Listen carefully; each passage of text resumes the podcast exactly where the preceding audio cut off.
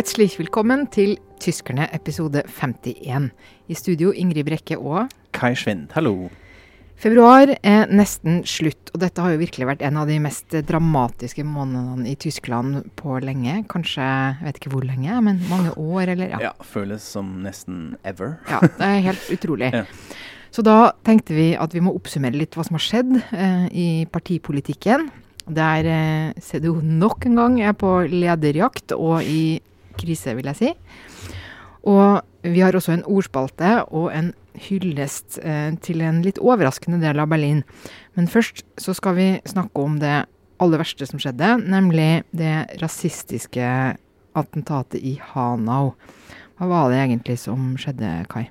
Ja, da var det altså ni mennesker som ble drept av en 43 år gammel tysk mann. Disse ni mennesker var fra 20 til 37 år gammel. Tre var tyske statsborgere, bl.a. fra romminoriteten, to tyrkiske. En bulgarer, en rumener, en bosnisk-herzegovinsk, og en var både tysk og afghansk eh, statsborger. I tillegg drepte Tobias R sin mor og seg selv. Så en fullstendig katastrofe. Man, hadde, man kunne kartlegge etter hvert. Han uh, hadde gått rundt på ulike steder i Hanau, i shisha-barer hvor dette skjedde, og hadde spionert, eller sånn utforsket hvor folk oppholdt seg. så han hadde planlagt ja, dette i lang tid? Han hadde planlagt dette. Uh, så det dukker jo opp en slags sånn uh, rart manifest dagen etterpå som han fant Han hadde lagt det ut. Så dette var helt tydelig høyreekstremistisk motivert. Uh, han hang seg på den ideologien. Uh, åpenbart også uh, en sinnsforvirret person, men allikevel uh, nøye planlagt. Ikke en sånn affekthandling. og dette er jo sånn sett interessant fordi også når man bare ser på ofrene og bakgrunnen dem, så speiler dette jo uh, byen Hanau, uh, som ligger litt utenfor Frankfurt. Det er ikke så langt unna. Jeg har vært der mange ganger. Uh, kjørt gjennom. Uh, som har 26 uh, av befolkningen som ikke har tyske statsborger, og 50% som har migrasjonsbakgrunn. Så det er et ordentlig sånn multinasjonalt samfunn? Skikkelig multikulti, som vi pleier å si. Også egentlig i forlengelsen av Frankfurt, som har den store byen i nærheten, hvor man har 30% migranter fra rundt 180 nasjoner. Altså Det er jo dette som preger regionen personen. Mm. Uh, og for det meste selvfølgelig av det uh, problemer og um, ja, uh, av og til en, en vanskelig tilnærming til, til, denne demografien. Men så sier man jo nok at dette er et, et multi, multikulturell, åpent og tolerant samfunn som dette var noe veldig rettet imot. Mm. Og det kunne man jo også se egentlig dagen etter at uh, markeringen rundt det som hadde skjedd, gikk veldig mye ut på nettopp det. Dette har vært et angrep mot oss, mm. mot det multikulturelle, åpne samfunnet. Uh, man var veldig nøye med å påpeke at uh, de som ble drept, var noen av oss. Det var ikke andre. Det, mm. Dette var sånn sett ikke fremmedfiendtlig, men det var rettet mot det moderne Tyskland. Ja, og jeg syns også det var veldig sterkt å se hvor utrolig raskt uh, man reagerte og samla seg i, i, det politiske Tyskland og, og i, i, samfunnet ellers med å si at dette var rasistisk drap. Altså, eh, rasist, eh, Merkel kalte jo, sa jo med en gang at rasisme og hat er en gift i samfunnet. Um, sånn at man var veldig klare og samla på at dette er noe Altså man brukte ikke så mye tid på sånn var han egentlig mest gal eller mest høyreekstrem eller ja. et eller annet sånt. Det var litt sånn Dette er et symptom på et stort problem vi har i samfunnet vårt, nemlig høyreekstremisme og rasisme. Eh, og sånn vil vi ikke ha det. Dette er forferdelig. Vi må, vi må på en måte uh, stå samla. Og jeg tror jo at den reaksjonen kom så raskt og var så unison. Fordi man jo i fjor hadde to eksempler på uh, lignende ting eh, i mindre målestokk, da, nemlig en CDO-politiker, eh, Lubke, som ble drept for øvrig også i Hessen, samme delstat. Um, og dette attentatet i eller attentatforsøket mot synagogen i Halle, der man ikke kom gjennom døra, men, men to forbipasserende ble drept. Da. Så begge disse to, som også var helt klart høyreekstremt motivert, har jo satt en støkk i hele Tyskland. Og nå var man liksom veldig klar for å reagere eh, relevant og, og samla på dette, da. Og det er det jeg tror også er veldig viktig, fordi hvis vi sammenligner det med uh, drap eh, som ble etter hvert uh, relatert til NSU, som har egentlig drept folk i over ti år, hvor man alltid har vært på en slags merkelig bagatellisering av dette, eller at dette er litt sånn enkle drapsforsøk, altså denne enseltheter, ensomme ulv-teorier, hvor man ikke helt ser på det strukturelle, at, det, at vi har vært med en bestandig økning av høyreekstremistisk vold. Uh, som blir mer og mer strukturell, og som også uh, anerkjennes for det det er. Uh, som også eh, innenriksminister Horst Seehofer og andre egentlig mer, mye mer konservative mennesker nå anerkjenner og nevner dette, bruker de begrepene. Um, så, så, det er veldig viktig også. Ja, og man så jo også hvor i, i pressen hvor fort man uh, diskuterte sånn ordbruk. ikke sant? F.eks. dette med disse NSU-drapene, så ble jo de lenge kalt for dønerdrapene, altså kebabmordene. eller ja. Mm, ja som er en forferdelig uh, ja. betegnelse. Uh, og nå var det jo også noen som brukte ordet shisha-drapene nå, og det ble slått veldig fort, veldig hardt ned på. At sånn, dette skal vi ikke holde på med.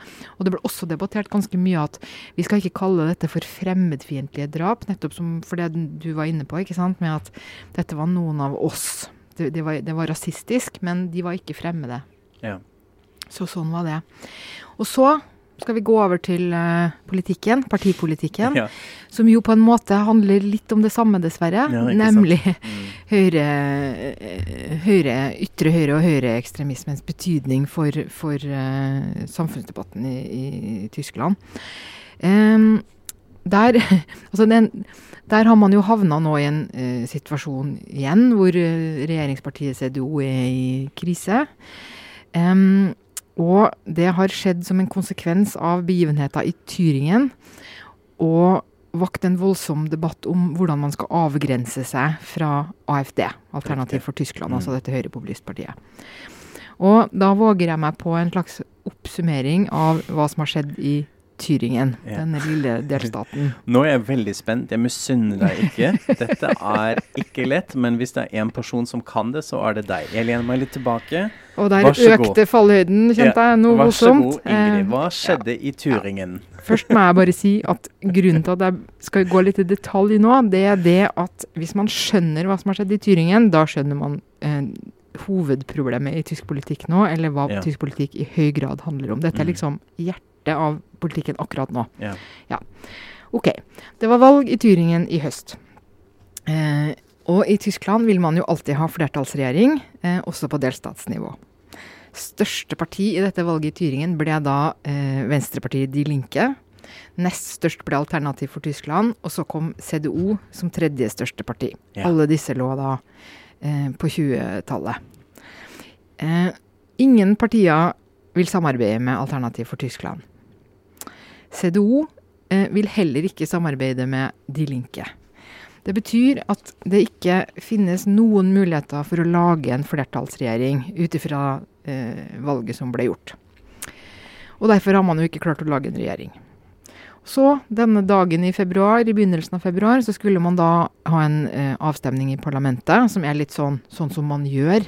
Eh, for å på en måte gå gjennom bevegelsene selv om man ikke helt skjønner hvordan noe skal kunne forandre seg. Men poff, plutselig forandra alt seg likevel. Fordi eh, FTP, som har bare 5 og et bitte lite parti, de stilte da eh, en eh, kandidat til å bli eh, statsminister. Og så ble han sannelig valgt, med stemmene fra FTP, Alternativ for Tyskland og CDO. Og så var jo egentlig da situasjonen at da kunne han liksom få danna en regjering og sånn. Men det kunne han jo slett ikke, for det ble jo ramaskrik og rabalder. Og grunnen til det er det at da hadde altså AFD fått innflytelse på hvem det er som skal regjere. Og det var et sånn totalt um, tabubrudd. Jeg så en, hørte en podkast som kalte det 'syndefallet i, i Erfurt'. Ja. Veldig bra. Det er sånt, Eller 'dambruch' er også et ord som blir brukt veldig mye. Altså ja. demningsbrudd. Nå, nå, løsner alt. Nå løsner det. Nå skjer det noe som aldri har skjedd før. Ja. Så dette ble jo helt uh, Ja.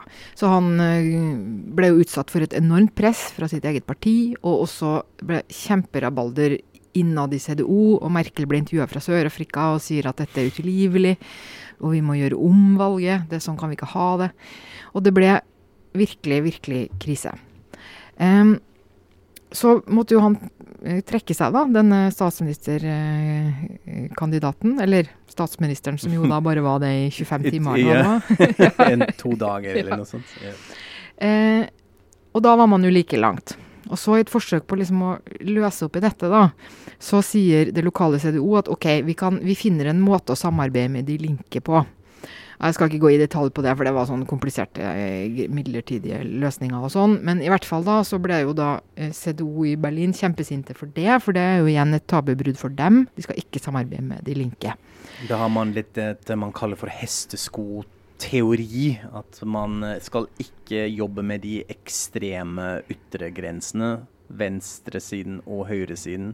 AFD på høyresiden, eh, De Linke på venstresiden, som har vært veldig mye diskutert og i medier nå i det siste, om det er egentlig så lurt. Det kommer vi kanskje tilbake til. Ja, nei, for det har jo virkelig vært et sånt uh, Vi kan godt ta det nå, altså. For yeah. det, det, er sånn uh, det, det, er mange i CDO som på en måte hevder eh, at De Linke og AFD er like ille, i betydningen, ja. som du sier, to ekstremer. Mm. Eh, og begrunner det med, eh, for De Linke sin del, at de jo delvis kommer fra kommunistpartiet i DDR. Mm. Eh, og de begrunner det også med at eh, både i AFD og i De Linke så finnes det folk som blir eh, observert eh, av eh, sikkerhetsmyndighetene. og jeg bare tenker at ja, dette må dere gjerne mene, men hvis man mener alvor med at AFD er farlige, Eh, som jeg jo tenker man skal gjøre. fordi mm. så er den store forskjellen at AFD er jo antidemokrater. De saboterer. Ja. De gjør sånn som det de gjorde nettopp i Tyringen, nemlig mm. at de hadde jo også en kandidat. Men de stemte ikke på sin egen kandidat, de stemte ja. på en annen. Og dette har jo knapt skjedd før i tysk ja. politisk historie, ikke sant. Mm.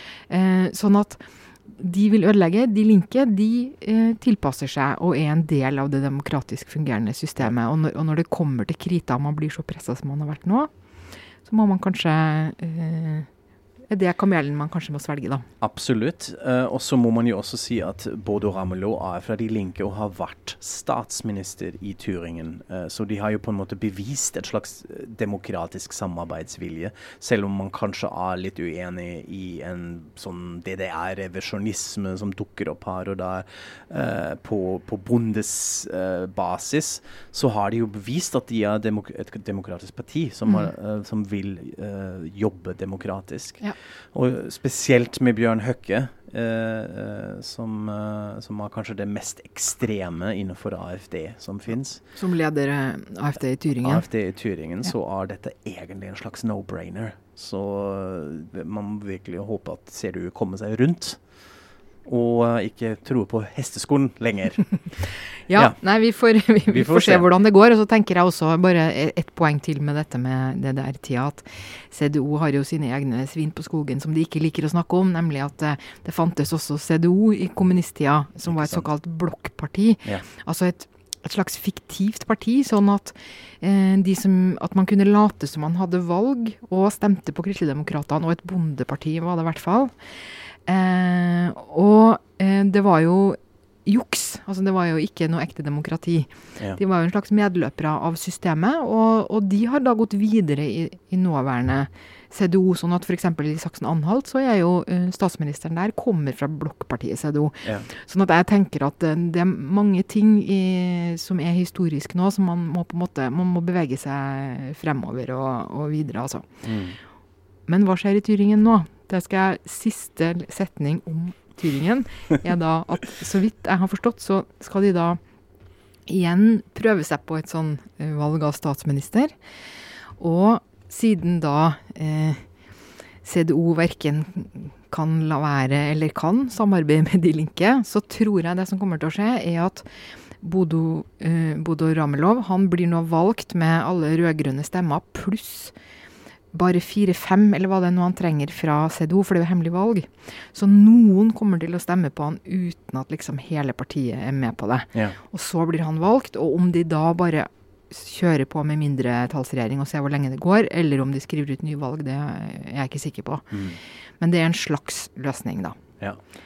Var- Veldig bra, Ingrid. Ja. Nå må du puste litt. Eh, Dette var en strålende jobb. Jeg ble litt svett her å høre på deg, fordi dette er kompliserte Mm. greier. Også fordi det skjedde så mye i veldig kort tid. Altså, Vi var jo begge i Tyskland eh, og prøvde å følge litt med, eh, men det var jo virkelig altså Det skjedde jo noe hvert tiende minutt. Eh, og det er jo egentlig det neste vi skal snakke om, fordi dette her var på en måte bakteppet til noe annet. Dette var Turingen på en måte. Men etter at CDU og AFD hadde stemt sammen, så gikk plutselig, kan man jo si, partileder Anne-Gret Kramp-Karrenbauer av. Hun trakk seg. Som et slags reaksjon, eh, men også med, basert på en litt større kontekst, kanskje. Hva skjedde der? Ja, nei, det var jo Hun reiste jo av gårde til, til Dyringen da, og sa at de må holde nyvalg. Eh, og det likte de selvfølgelig ikke, at det kommer noen fra Berlin og forteller dem hva de skal gjøre. Ja. Eh, og dessuten så er det jo også klart at dette var et scenario Det som skjedde i Tyringen, hadde man jo også forutsatt på forhånd. Og likevel så gjorde de det. Sånn at uansett hvordan du tolker hvordan AKK handla eller ikke, så er på en måte oppsummeringa at hun ikke har kontroll i partiet sitt Ja. ikke autoritet.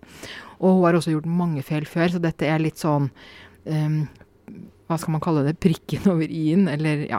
Mm. eh, den lille tua som velta det store lasset, eller andre, andre sånne uttrykk. Ja, ja. ja. Veldig bra. Den har jeg Nå- ikke hørt. Jeg noterer Ja. her. Så det gikk ikke lenger, og så sier hun 'nå går jeg av'. Og så Først var det sånn Ja, men hun skal jo, jeg skal sitte til vi skal ha landsmøte i, i månedsskiftet november-desember, for da skal vi jo velge en kanslerkandidat. Og da kan vi velge en ny partileder. Og så er det sånn Det kan man faktisk ikke. Nei. Nå er man plutselig i en situasjon der man har en kansler som sitter på ø, lånt tid, som har sagt at hun skal bare sitte ut perioden og så ut av politikken. Og så skal også partilederen eh, være sånn Nei, jeg skal snart ut og sånn. Mm. Så alle skjønner at det går ikke. Ja. Så nå har det blitt sånn at de skal ha et eh, landsmøte i slutten av april. Eh, og der skal de da velge en ny partileder. Og så får vi se om de alle skjønner på en måte at det også blir kanslerkandidaten, men jeg tror ikke de sier det selv. Ja. Før vi ser nærmere på det, hva som skjer da, må vi kanskje konstatere at dette er også nå virkelig slutten til Merkels arv. Altså Hun har jo prøvd å på en måte etablere sin egen etterfølger. Anne-Gret eh, Kram-Karrenbauer ble etter Merkels råd og vilje satt inn, og de hadde en slags avtale, hvis man skal kalle det det, eller et ønske fra Merkel i hvert fall, at AKK skulle videreføre. Det har ikke fungert. AKK imploderte. Eh, så nå er virkelig Merkel-æraen over. Det kan man kanskje si. Eh, Ja, det kommer jo litt an på hvem som blir eh, etterfølger nå, Riktig. da. Så la oss se på de der. Hvem, hvem kom frem, da? Hva, hvem av kandidatene til å kunne ta over CDU og muligens eh, bli kansler? Ja, da er det jo det er tre vi vel kjenner litt fra før, fordi at alle de tre stilte jo også Nei, to av dem stilte eh, mot AKK, Riktig. nemlig Jens Spahn og Friedrich Merz. Jens Spahn er den nåværende helseministeren. Mm. En ung, ganske ung person i, I tysk tysk, forstand. ja. 37, eller noe sånt. 37 er han, ja. Eh, og Friedrich Merz har vi jo også, kjenner vi jo lenge. Ja. Så de to stiller, og så stiller han som jo hele tida har blitt spekulert de kommer til å stille, eh, nemlig Armin Laschet, som er da eh, statsminister i den største delstaten Nordrhein-Vestfalen. Eh, han har sagt at han skal stille. Også, Veldig populær person, også sånn samlende person, og som også som klarte å vinne. Uh, altså fremme CDU i NRV, uh, Nordrhein-Westfalen, som er egentlig med sånn SPD-styrt delstat, og har vært det lenge pga. roerområdet og sånne Mm. ting.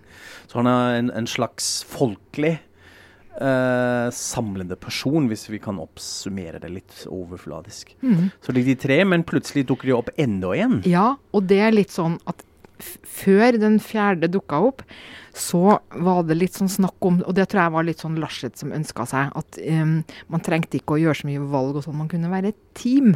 Ja, så man kunne liksom lede mm. partiet sammen. Ja, ja, og, ja. og da plutselig, så bare på en times varsel eller noe sånt, så uh, Oi, nå skal det være pressekonferanse. Og da er det altså Norbert Røsken som kommer på banen.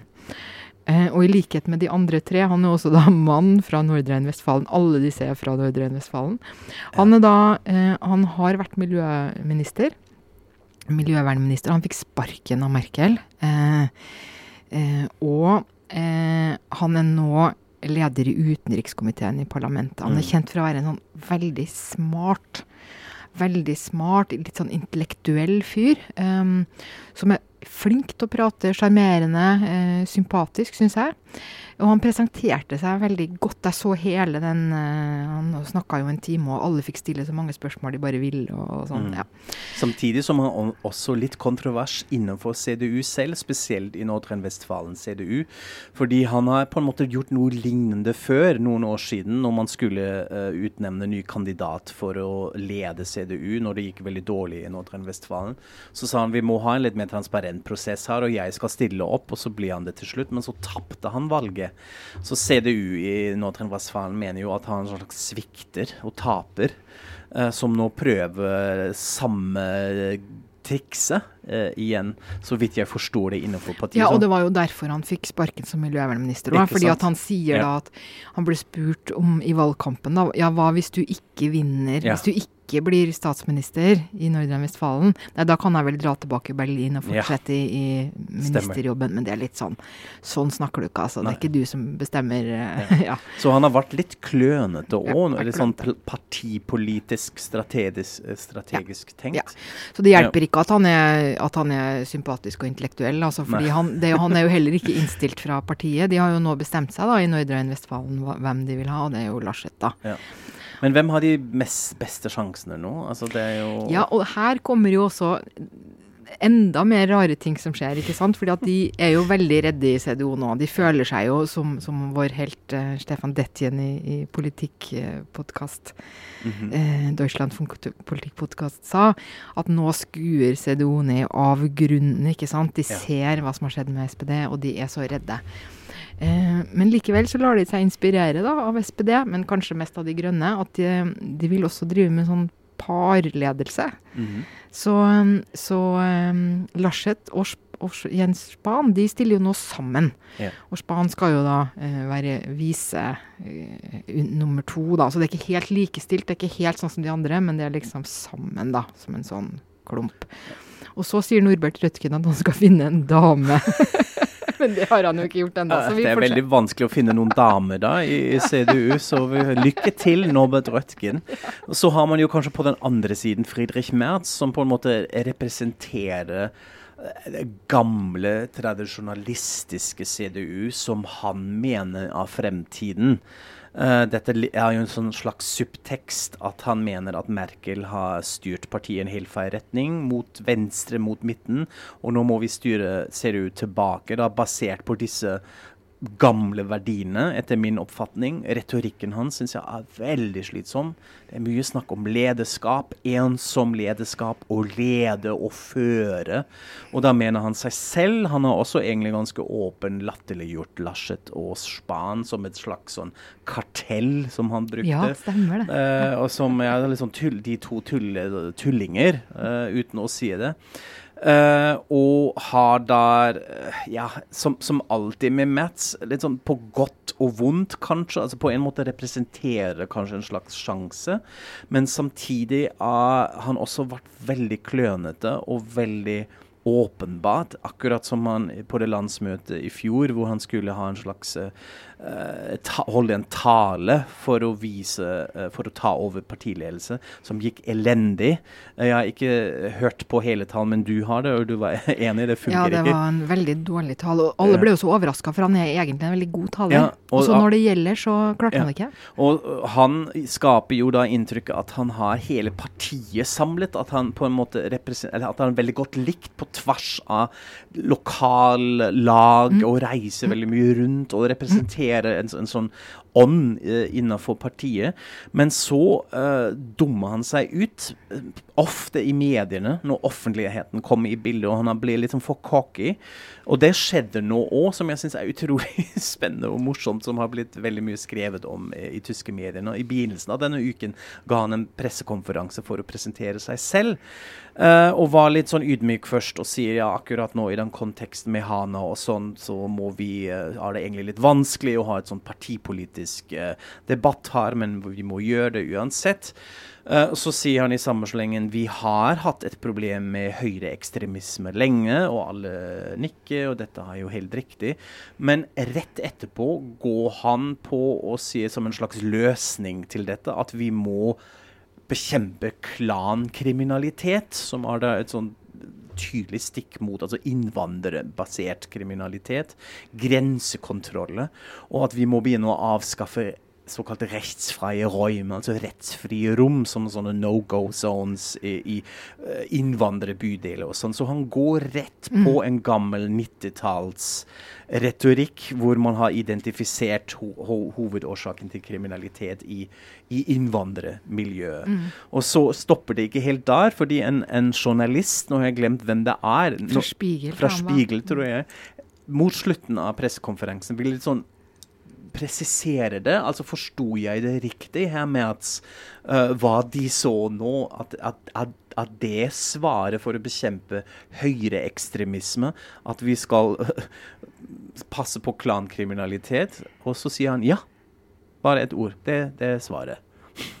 Og så uh, går jo hele presse- og medielandskapet i Tyskland løs på dette, og man posisjonerer han veldig tydelig i dette nesten reaksjonære uh, hjørnet. Men har jo blitt, noen har jo også tvilt litt på at kanskje han misforsto. Ja, Men jeg har ikke sett noe mer løsning løsning på det, eller hva han har selv sagt, altså. Men og, det er en liten åpning der. Ja, og det er jo også en viktig presisering uh, som vi må alltid stille et slags spørsmålstegn rundt dette, og at det er litt slitsomt med den medialisering av politikken mm. som vi befinner oss i. At det er veldig sånn opphisset rundt enkle mm. events og sånn. Så selvfølgelig er ikke det uh, Mats i et nøtteskall, men uh, han Dette viser jo kanskje en, en slags ja, Igjen denne alfahanen. Liksom veldig selvhøytidelig, tydelig ideologisk plassert holdning som da kommer ut nesten sånn Tourettes-aktig i en sånn pressekonferanse. Ja, og med veldig gammeldagse løsninger. da, For det er, no, det, er jo også noe rart med dette. Eh, eller rart. Det, det er påfallende eh, med Mertz hvordan Han var jo i partiet gikk ut av partiet ja. eh, da han tapte mot uh, Merkel tidlig på 2000-tallet. Og Så var han i, i, næringslivet i alle år og, og, sånn, og så kommer han inn igjen og skal bli kanslerkandidat. Ja. Eh, og så um, taper han jo, da. Hårfint. Altså, det var virkelig Han var nesten der, ikke sant? Mm. Tapte mot AKK, antagelig ja. pga. den dårlige talen. Ja. eh, og så får han jo masse tilbud, da, ikke sant, om han vil inn i partiet. Han ja. eh, jeg, jeg, mener å uh, ha lest at han også ble tilbudt regjeringstaburett. I hvert fall hadde han mange muligheter i partiet, men han bare sier nei. Eh, og så har han nå reist rundt, da, som du sa, ikke sant, samla stemmer og sånn på grunnplanet i partiet og ellers fra folk, og på en måte går, går for at det skal være nok. Mm. Og jeg tenker at det var nesten nok sist, men nå er ikke det ja. nok lenger. Fordi at nå har på en måte, nå begynner Hvem er det som skal velge her? Jo, det er jo nettopp partiet. Og det når han har vist så tydelig at han er en outsider og står utenfor, og så har du på den andre sida da altså Rødtgen er en sånn sidekandidat, mm. så han trenger vi kanskje ikke å snakke så mye om, men du har da Laschet og Span, som er to sånne hederlige partifolk som har posisjoner og jobber for partiet og har holdt ja. på i alle år. ikke sant, Og Span som som også prøvde seg som kanslerkandidat, men nå på en måte ydmykt går inn og tar sin plass som nummer to. Alt dette her. Dette er jo det partiet vil ha, tenker jeg. Mm, ja.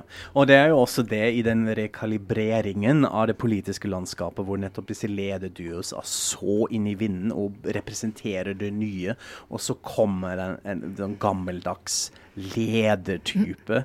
Uh, det, som også kan jo være en, en slags nisje som fungerer uh, sånn sett. Jeg tenker jo i en forlengelse av det at for SPD og De Grønne i en mulig valgkamp av Johan en slags gavepakke. Han hadde jo vært det. Tenk hvis Mats er kanslerkandidat, så kan man jo bare hamre løs på det litt sånn Ja. gammeldags, konservative CDU-bildet. Ja, for det er jo noe med eh, når man diskuterer dette, da, hva er perspektivet, ikke sant? For én Mhm. ting er jo hva er lurt for partiet CDO sett fra CDO, så tenker jeg jo det må jo være Larseth og, og, Span. Og det er jo også en, en Altså, Merkel er fortsatt den mest populære politikeren i Tyskland. Velgere flest har ikke noe behov for noe brudd med hennes tid og sånn, ikke sant. Så det vil være den tryggeste veien, tenker jeg.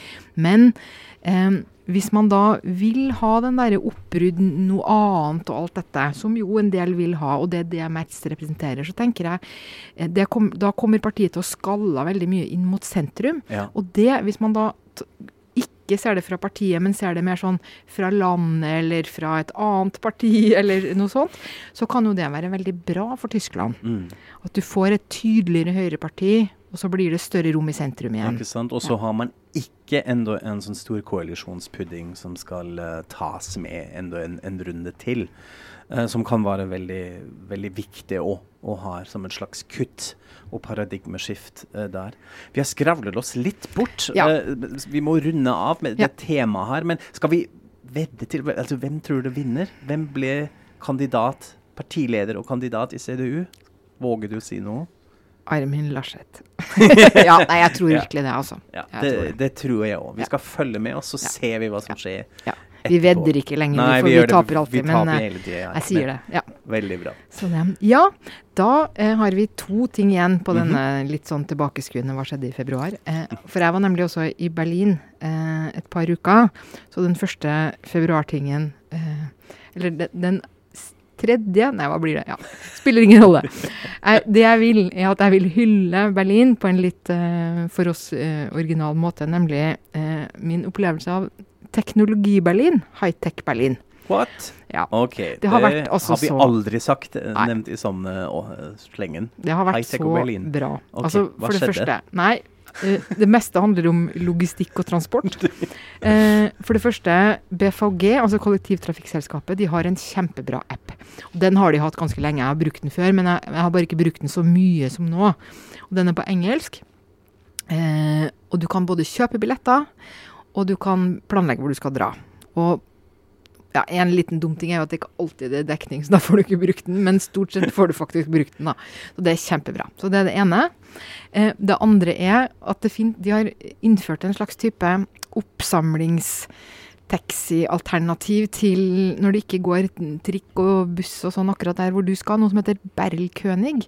Og de er både en del av BFG, sånn at de dukker opp i denne appen, men de har også sin egen app, så du kan bare bestille det separat. Mhm. Det er som en slags De elektriske biler. Eh, og, og de samler opp folk litt sånn Du sier hvor du skal, og sånn, så du må ofte vente lenger enn på en vanlig taxi, men Ja. det er da halve prisen, kanskje. Okay. Og så kjører de deg fra dør til dør i det, Jeg tror det er bare det østlige Berlin. Så et slags kollektiv Uber, Uber-selskap? Ja, noe sånt noe. Ja, Mhm. kjempebra. Herregud. Det tredje er sykkel. Fordi har, en- det finnes en app som heter sånn Deutsche Bahn-sykkel, Mhm. Call a Bike. Ja. Også på engelsk av en eller annen grunn.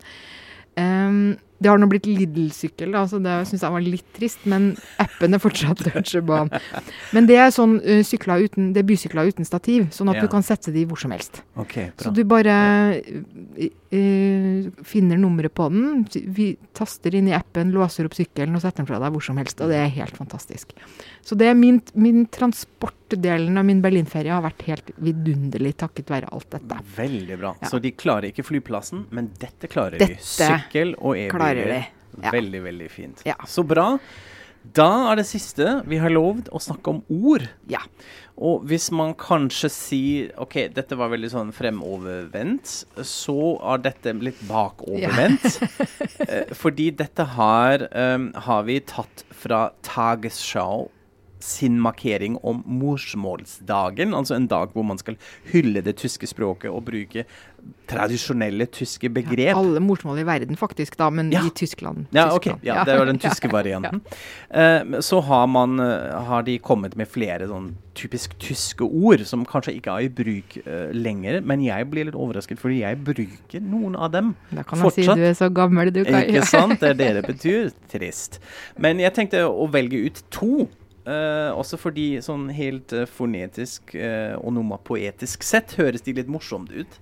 Det første er pappalapapp. Herlig. Skal jeg si det igjen? Pappalapapp. Som betyr eh, sånn tullprat, tomprat. Altså når du sier du sa noe tull, og så sier jeg dette er pappalapapp. Det kan hende at det norske plapre er en slags eh, Ja. variasjon, eller avart. Det eller, høres jo ja. Likt ut. Eller Så, pappalapapp, så ja, dette mener jeg i hvert fall, eh, i motsetning til det Tagesschau mener, at dette er nesten glemte ord. Altså Det her hører jeg ofte og bruker iblant òg. Men det høres jeg, når jeg sier det noe høyt, høres jeg litt tantete ut. Uansett. Det andre er også veldig morsomt, nemlig ordet koddelmodell. Hmm. Litt saktere, eh, som be beskriver en slags rot og virvar. Eh, nå er vel, noe veldig kaotisk. Nå Det har vi høres litt koselig ut. Ja, det er også. koselig, og eller? det er det. Altså, det er ikke en sånn katastrofal Nei. konsekvensrot. Men har, nå har jeg hatt litt koddelmodell her med disse ledninger i studio, Mm. og nå må jeg litt sånn ordne dette. Så nå uh, kan vi snakke mer pappelapapp. så det er de, de to ord, og det finnes flere uh, som vi kanskje kommer tilbake til en annen gang, men de syns vi var litt, litt artig. Så vi må begynne å bruke de litt mer. Ja. Da er det tid for å si takk for oss. Og dette var jo episode 51, og hvis dere eh, hørte på jubileumsepisoden vår og hadde egentlig lyst til å gi oss en 50, 50 episode presang, men ikke ante hva dere skulle finne på, så blir vi jo altså alltid glad for sånn stjerner og anbefalinger og alt mulig sånn godgreier på Facebook eller andre steder. Men takk for oss, og auf Wiederhören. Auf Wiederhören.